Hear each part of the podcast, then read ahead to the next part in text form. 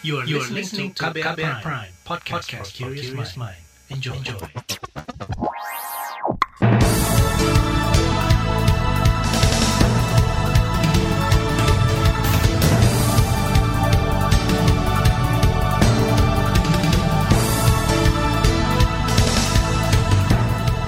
Selamat pagi saudara, senang sekali kami bisa menjumpai Anda kembali melalui program Buletin Pagi edisi Senin 1 Maret 2021 bersama saya Roni Sitanggang. Saudara sejumlah informasi pilihan telah kami siapkan di antaranya sejumlah badan usaha keluhkan pembiayaan vaksin mandiri. KPK menetapkan Gubernur Sulawesi Selatan sebagai tersangka suap infrastruktur. Kebakaran hutan dan lahan mulai terjadi di Sumatera dan Kalimantan. Inilah buletin pagi selengkapnya. Terbaru di buletin pagi. Pemerintah memastikan akan menjalankan program vaksinasi mandiri. Menteri Kesehatan telah menerbitkan peraturan tentang pelaksanaan vaksinasi dalam rangka penanggulangan pandemi COVID-19 pada pekan lalu. Menteri Kesehatan Budi Gunadi Sadikin mengatakan program vaksin gotong royong oleh perusahaan bakal diberikan secara gratis untuk karyawan tanpa terkecuali biaya vaksinasi menjadi beban perusahaan tersebut. Jadi tetap yang namanya vaksin gotong royong itu sumbernya adalah perusahaan-perusahaan, mereka mencarikan vaksinnya harus gratis untuk seluruh karyawan, karyawati dan keluarganya. Dan yang kedua, sengaja dibuat mereknya tidak boleh sama supaya tidak terjadi saingan rebutan suplainya. Jadi dipastikan ini adalah suplai tambahan dari sumber-sumber produsen vaksin di seluruh dunia di luar yang empat yang sudah pemerintah sudah dapatkan. Menteri Kesehatan Budi Gunadi Sadikin menyebut merek vaksin gotong royong yang diberikan perusahaan harus berbeda dari yang telah dipesan pemerintah. Ia mengatakan saat ini pemerintah telah mendatangkan vaksin Sinovac dan menyusul tiga merek lainnya yang tengah dikembangkan. Di antaranya adalah AstraZeneca, Pfizer, dan Novavax. Sementara itu Ketua Bidang Properti dan Kawasan Ekonomi Asosiasi Pengusaha Indonesia APindo, Sani Iskandar menyatakan vaksin mandiri diperuntukkan bagi perusahaan yang bersedia dan mampu mengeluarkan biaya untuk pelaksanaan vaksinasi COVID-19 di lingkungan perusahaannya. Ya intinya kalau memang bagi perusahaan atau pengusaha yang tidak bersedia untuk eh, melakukan program vaksinasi mandiri yang tidak usah mendaftar gitu. Tapi nanti kan akan ikut yang program gratis dari pemerintah. Ini sederhana aja. Yang ngajukan itu kan pasti mereka udah udah siap memang uh, mereka Uh, memang namanya aja vaksinasi mandiri, berarti kan memang mandiri kan. Itu tadi Ketua Bidang Properti dan Kawasan Ekonomi Apindo Sani Iskandar. Sementara itu Ketua Umum Apindo Haryadi Sukamdani menyebut ada pengusaha yang mengeluhkan terkait pendanaan vaksinasi mandiri yang ditanggung sepenuhnya oleh perusahaan. Mereka adalah para pengusaha padat karya. Namun demikian ia tak menjelaskan secara detail alasan penolakan para pengusaha tersebut. Federasi Serikat Buruh Persatuan Indonesia FSBPI mempertanyakan pelaksanaan program vaksinasi gotong royong atau mandiri. Wakil Ketua FSBPI Jumisih menyaksikan vaksinasi COVID-19 bagi buruh akan diberikan gratis. Apalagi selama ini penerapan protokol kesehatan di tempat kerja pun masih banyak yang belum memadai kalau memang itu betul-betul gratis, maka ya kita mendorong itu untuk dilaksanakan. Nah, idealnya kan vaksin itu dilakukan dua kali. Nah, kalau mau betul-betul dilaksanakan, ya sebaiknya itu berjalan dengan rencana gitu. Tidak hanya sekali. Karena kan jadinya nanti tidak tuntas, jadi tidak maksimal atau hasilnya. Hingga saat ini, kata Wakil Ketua SSBPI Jumisih, belum ada pembahasan terkait program vaksinasi terhadap buruh. Dia pun mendesak perusahaan dan pemerintah lebih transparan serta melibatkan buruh terkait perencanaan program vaksinasi COVID-19 agar tak memberatkan buruh. Sementara itu, Ikatan Ahli Kesehatan Masyarakat Indonesia (IAKMI) mendukung program vaksinasi gotong royong yang diinisiasi oleh dunia usaha karena hal itu akan mempercepat pencapaian kekebalan kelompok. Ahli kesehatan masyarakat dari IAKMI Hermawan Saputra mengatakan jika pengusaha menolak mengikuti program tersebut, mereka bisa menunggu vaksinasi gratis dari pemerintah. Tetapi ketika uh, dunia swasta juga uh, apa ya tanda kutip menolak, ini kan sebenarnya tidak mengandung unsur paksaan ya. Yang menjadi masalah itu kalau memang ada semacam pemaksaan oleh pemerintah itu tidak boleh. Nah, lebih kepada uh, edukasi dan promosi. Nah, inisiasi awal kan memang inisiasi dari dunia usaha. Mereka pengen memperoleh uh, sumber vaksinasi yang lebih cepat. Ini kan karena lebih cepat. Sebenarnya kalau dunia usaha juga bersabar, harusnya juga seluruh populasi tetap tertangani dengan vaksin program pemerintah. Ahli Kesehatan Masyarakat dari IAKMI, Hermawan Saputra, mengatakan vaksin untuk program gotong royong tidak boleh diperjualbelikan secara bebas. Sementara itu bagaimana dengan pengamanan stok vaksin COVID-19? Informasinya akan hadir usai jeda, tetaplah di Buletin Pagi KBR. You're listening to KBR Pride, podcast for curious mind. Enjoy!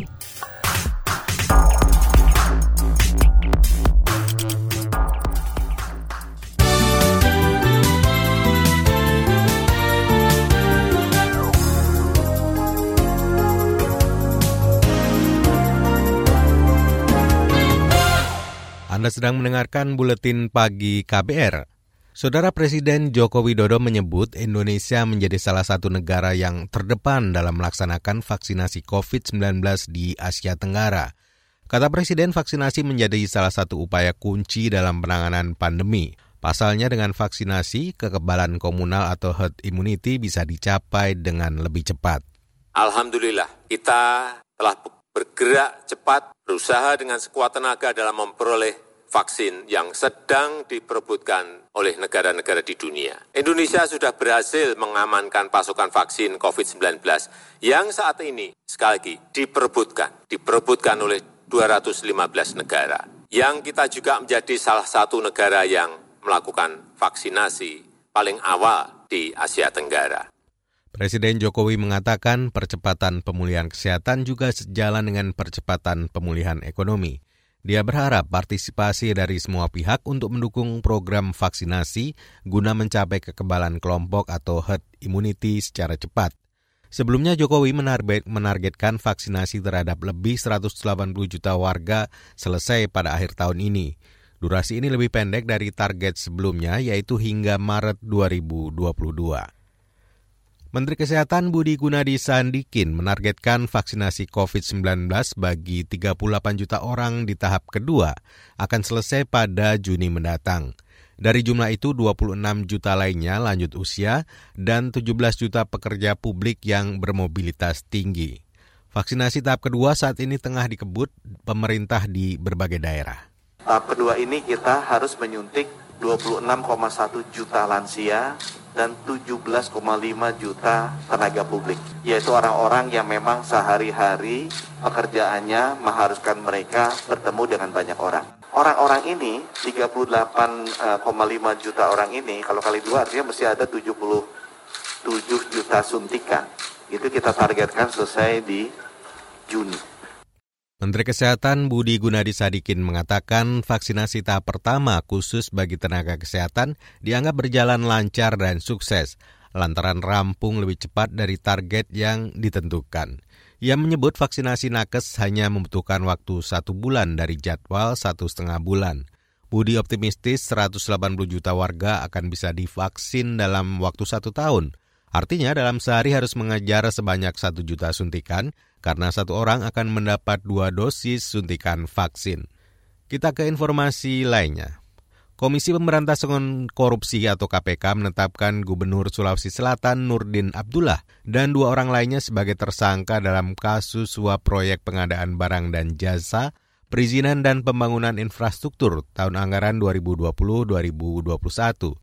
Kedua tersangka lain dalam kasus ini adalah Direktur PT Agung Perdana Bulukumba Agung Sucipto dan Sekretaris Dinas Pekerjaan Umum dan Tata Ruang Sulawesi Selatan Edi Rahmat. Berdasarkan keterangan para saksi dan bukti yang cukup, maka KPK berkeyakinan bahwa tersangka dalam perkara ini sebanyak tiga orang. Pertama, sebagai penerima, yaitu saudara NA dan saudara UR. Sedangkan sebagai pemberi adalah saudara AS. Ketua Komisi Pemberantasan Korupsi KPK Firly Bahuri mengatakan Agung Sucipto yang kenal dekat dengan Nurdin berkeinginan menggarap proyek pekerjaan infrastruktur di Sulawesi Selatan tahun anggaran 2021. Komunikasi aktif dilakukan antara Agung dengan Edi yang merupakan orang kepercayaan Nurdin untuk memastikan mendapat jatah proyek. Nurdin Abdullah yang terjerat kasus suap proyek kawasan wisata Bira di Bulukumba Sulsel mengaku dijebak Edi Rahmat. Nurdin berkilah Edi memanfaatkan namanya untuk melakukan rasuah. Penyidik KPK menyita 2 miliar rupiah dalam operasi senyap tersebut. Kita ke informasi ekonomi, Menteri Kelautan dan Perikanan Sakti Wahyu Trenggono akan melarang ekspor benih lobster atau benur. Kata dia benur adalah kekayaan alam Indonesia yang nantinya hanya boleh untuk budidaya di dalam negeri. Hal ini diungkapkan Trenggono dalam video yang diunggah di akun Instagram KKP pada Sabtu lalu. Sudah pasti uh, saya akan melarang ekspor benur. Kenapa? Karena benur itu adalah kekayaan daripada bangsa ini, kekayaan dari alam Indonesia. Dia hanya boleh dibudidaya sampai kemudian ukuran konsumsi. Karena nilai tambahnya itu adalah di ukuran konsumsi. Kalau BBL yang dijual mungkin saya nggak tahu harganya sampai berapa. Ya kan? Itu yang kaya itu negara yang membeli. Karena dia tahan satu tahun saja, dia udah bisa mendapatkan angka yang berpuluh-puluh atau beratus-ratus persen kenaikan. Menteri KKP Trenggono juga akan menjalin kerjasama dengan kepolisian untuk mencegah ekspor benur ini. Menurutnya jual beli benur hanya boleh dilakukan untuk alasan budidaya. Kita ke manca negara. Dewan HAM Perserikatan Bangsa-Bangsa PBB mengatakan sedikitnya 18 orang tewas dan 30 lainnya luka-luka dalam insiden pembubaran aksi anti kudeta di Myanmar. Jumlah ini merupakan angka kematian demonstran tertinggi dalam satu hari dalam serangkaian aksi unjuk rasa. Juru bicara Dewan HAM PBB Rafina Samdasani mengecam keras peningkatan aksi kekerasan terhadap demonstran tersebut. Dewan menyerukan kepada militer untuk segera menghentikan penggunaan kekerasan terhadap demonstrasi damai. Pasukan keamanan Myanmar menggunakan cara kekerasan untuk membubarkan aksi unjuk rasa anti kudeta yang digelar pada beberapa hari yang lalu. Baik tentara maupun polisi menembakkan peluru karet, gas air mata, dan meriam air untuk membubarkan aksi yang terjadi di berbagai daerah. Gelombang aksi besar-besaran terjadi sejak 1 Februari lalu, diikuti kampanye pembangunan sipil untuk mendorong pegawai negeri mengundurkan diri. Kita beralih ke informasi olahraga, pelatih timnas Indonesia U23 Sintayong menyoroti banyak hal kelemahan para pemain setelah menjalani laga uji tanding. Para pemain yang masuk dalam pemusatan latihan harus melakoni pertandingan internal pada Sabtu lalu. Sintayong melihat performa anak asuhnya belum maksimal sehingga terlihat kesulitan saat duel berlangsung pada siang hari tersebut. Dalam pertandingan tersebut, para pemain dibagi dalam dua tim. Tim biru dan tim abu-abu bermain dalam durasi 90 menit. Skor akhir menunjukkan 4-4. Saudara liputan bertajuk vaksinasi untuk penyintas dan fenomena long COVID akan kami hadirkan sesaat lagi. Tetaplah di Buletin Pagi KBR. You're listening to KBR Pride, podcast for curious mind. Enjoy!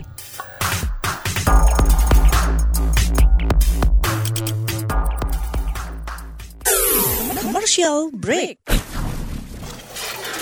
Ita Biliana, psikolog dari Lembaga Psikologi Terapan UI, memberi pesan kepada teman-teman Broken Home untuk meraih masa depan yang terbaik. Terlepas bagaimana kondisi rumahmu, bukan kondisi orang tuamu, itu ya kamu adalah individu sendiri yang punya hak dan punya kemampuan untuk menentukan nanti ke depannya mau gimana gitu. Jadi apa yang terjadi di belakang kamu tuh it doesn't define who you are atau yes. who will you be gitu aja, who you will be. Simak obrolan selengkapnya dalam podcast Disco Diskusi Psikologi dalam episode Masa Depan Anak Broken Home di kbrprime.id dan platform mendengar podcast lainnya.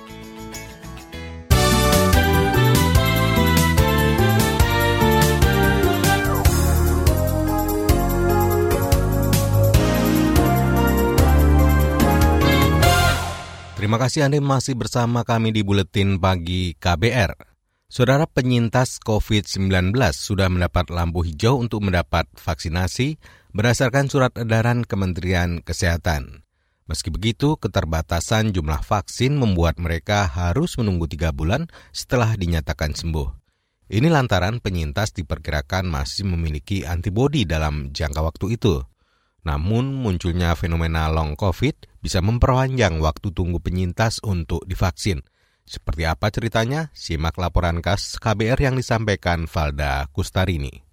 Akhirnya saya cuma mau periksa aja ke puskesmas Kebun Di sana udah tahu di medis kalau saya pernah kena, terus akhirnya di swab lagi. Ternyata saya positif lagi. Akhirnya Francesca Endah sudah dua kali menjadi pasien COVID-19 di Rumah Sakit Darurat Wisma Atlet. Warga Jakarta Barat ini kembali terinfeksi virus corona pada November tahun lalu atau selang enam bulan sejak dinyatakan pulih dari kasus pertama. Setelah kena COVID, harusnya harus jaga imun, jaga ini. Cuman kan karena kondisi harus harus cari nafkah ya harus ke mana-mana, harus jualan. Bulan November tuh ada yang meninggal orang gereja. Saya datang ke rumah duka, ikut pemakaman juga. Pulang dari pemakaman tuh saya mulai drop dan nggak bisa apa-apa sama seperti gejala awal.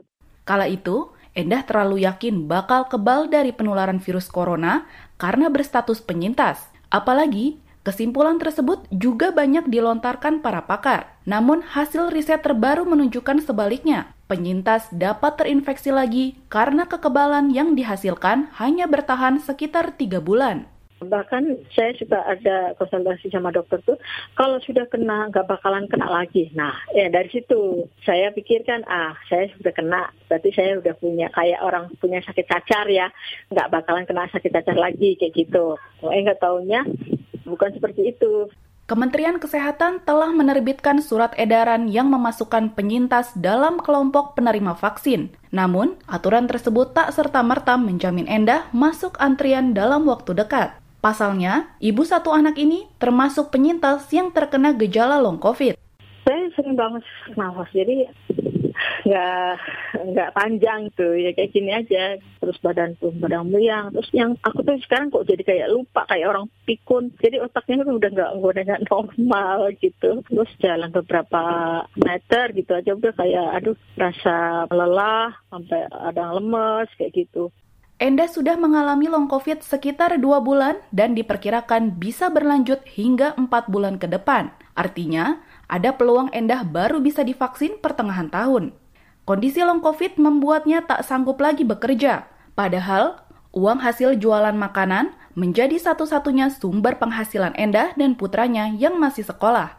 Kini, mereka bertahan dengan dukungan keluarga dan bantuan pemerintah. Selama dua bulan ini saya belum ngapa-ngapain, ya saya masih dibantu sama kakak, masih dibantu sama adik.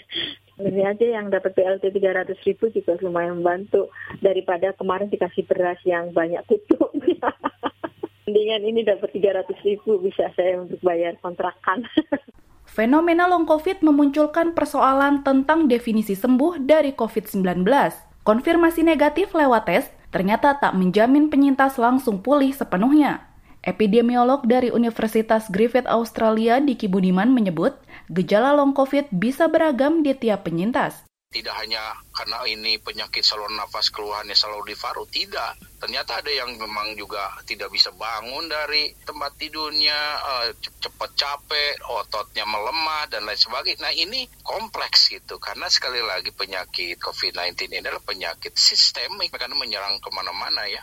Derajat keparahan long COVID diduga terkait gaya hidup individu. Karena kalau saya lihat ya, tapi ini belum riset ya. Kalau saya lihat secara data yang terkena long covid ini umumnya memang punya masalah kesehatan ya dari sisi komorbid dari sisi juga faktor risiko lain misalnya obesitas, perokok ya. Di luar juga biasanya memang orang-orang yang pola hidupnya ya minum alkohol dan lain sebagainya, pola hidup tidak sehat. Long COVID bakal memengaruhi vaksinasi terhadap penyintas. Keputusan layak tidaknya divaksin tergantung hasil observasi detail dari dokter long covid ini akan kasuistik ya atau maksudnya akan perlu pemeriksaan secara individu yang cermat dilakukan oleh dokter penyakit dalam atau dokter paru untuk melihat adanya potensi-potensi penyakit lainnya ya. Artinya tidak bisa digeneralisasi. Menurut saya harus dipastikan dulu ada tidak kontraindikasinya.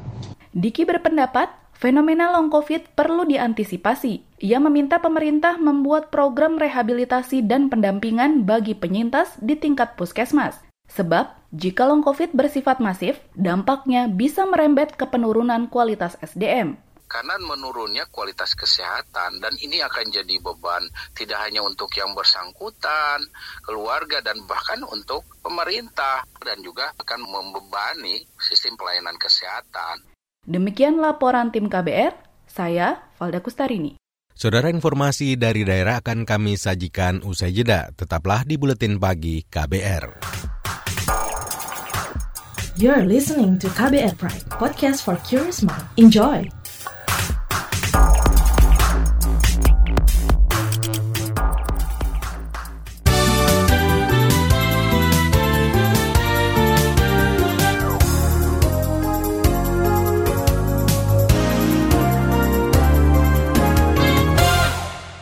Inilah bagian akhir buletin pagi KBR. Saudara petugas Badan Penanggulangan Bencana Daerah bersama TNI Polri dan masyarakat peduli api berjibaku memadamkan kebakaran lahan yang terjadi sejak Sabtu hingga Minggu di Desa Sungai Rabit, Kabupaten Indragiri Hilir, Provinsi Riau. Kata Kapolres Indragiri Hilir, Dian Setiawan, luas lahan yang terbakar mencapai 5, 5 hektar. Kata Dian, petugas baik TNI dan masyarakat akan terus bersiaga untuk memastikan kebakaran tidak meluas ke area lain. Saudara kebakaran hutan dan lahan juga terjadi di Kecamatan Kuala Pesisir, Nagan Raya, Provinsi Aceh. Setidaknya ada 6 hektar lahan yang terbakar dan menyebabkan kabut asap. Upaya pemadaman mengerahkan tiga mesin pompa air dan mobil pemadam. Masih dari Aceh, Balai Konservasi Sumber Daya Alam menyelamatkan seekor anak beruang madu yang terkena jerat warga di desa Toweren, Kabupaten Aceh Tengah, Aceh. Kaki kanan bagian depan binatang dilindungi itu terluka jeratan jenis kawat sling. Kepala Seksi Konservasi Wilayah 1 Lok Semawe, Zaman mengatakan, tim dokter dan ahli hewan dari Fakultas Kedokteran Hewan Universitas Syah Kuala dilibatkan mengevakuasi satwa liar tersebut.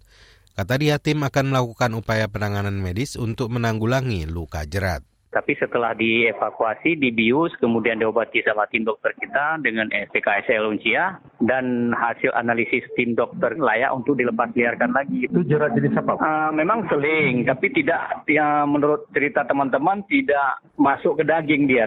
Kepala Seksi Konservasi Wilayah Lok Sumawe, Kamaruzaman menambahkan, beruang madu itu berjenis kelamin jantan dan berusia sekitar tiga setengah tahun. Direncanakan beruang madu tersebut akan dilepas liarkan kembali ke habitatnya di kawasan hutan Gayo setempat. Kita ke Yogyakarta, saudara pedagang Malioboro Yogyakarta akan menjalani vaksinasi COVID-19 bersama hari ini. Vaksinasi tersebut dijadwalkan berlangsung mulai pukul 8 pagi. Ketua Komunitas Malioboro Selama Santoso memastikan wisatawan tetap dapat berkunjung ke kawasan tersebut dan berbelanja. Ia memastikan para pedagang tidak libur di hari vaksinasi. Rencananya Presiden Jokowi akan memantau jalannya vaksinasi bagi para pedagang di Malioboro.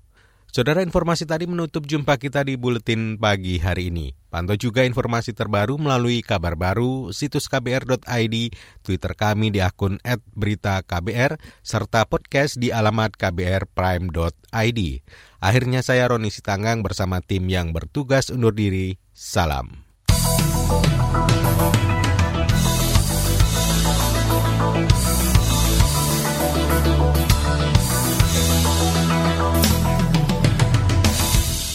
KBR Prime, cara asik mendengar berita. KBR Prime, podcast for curious mind.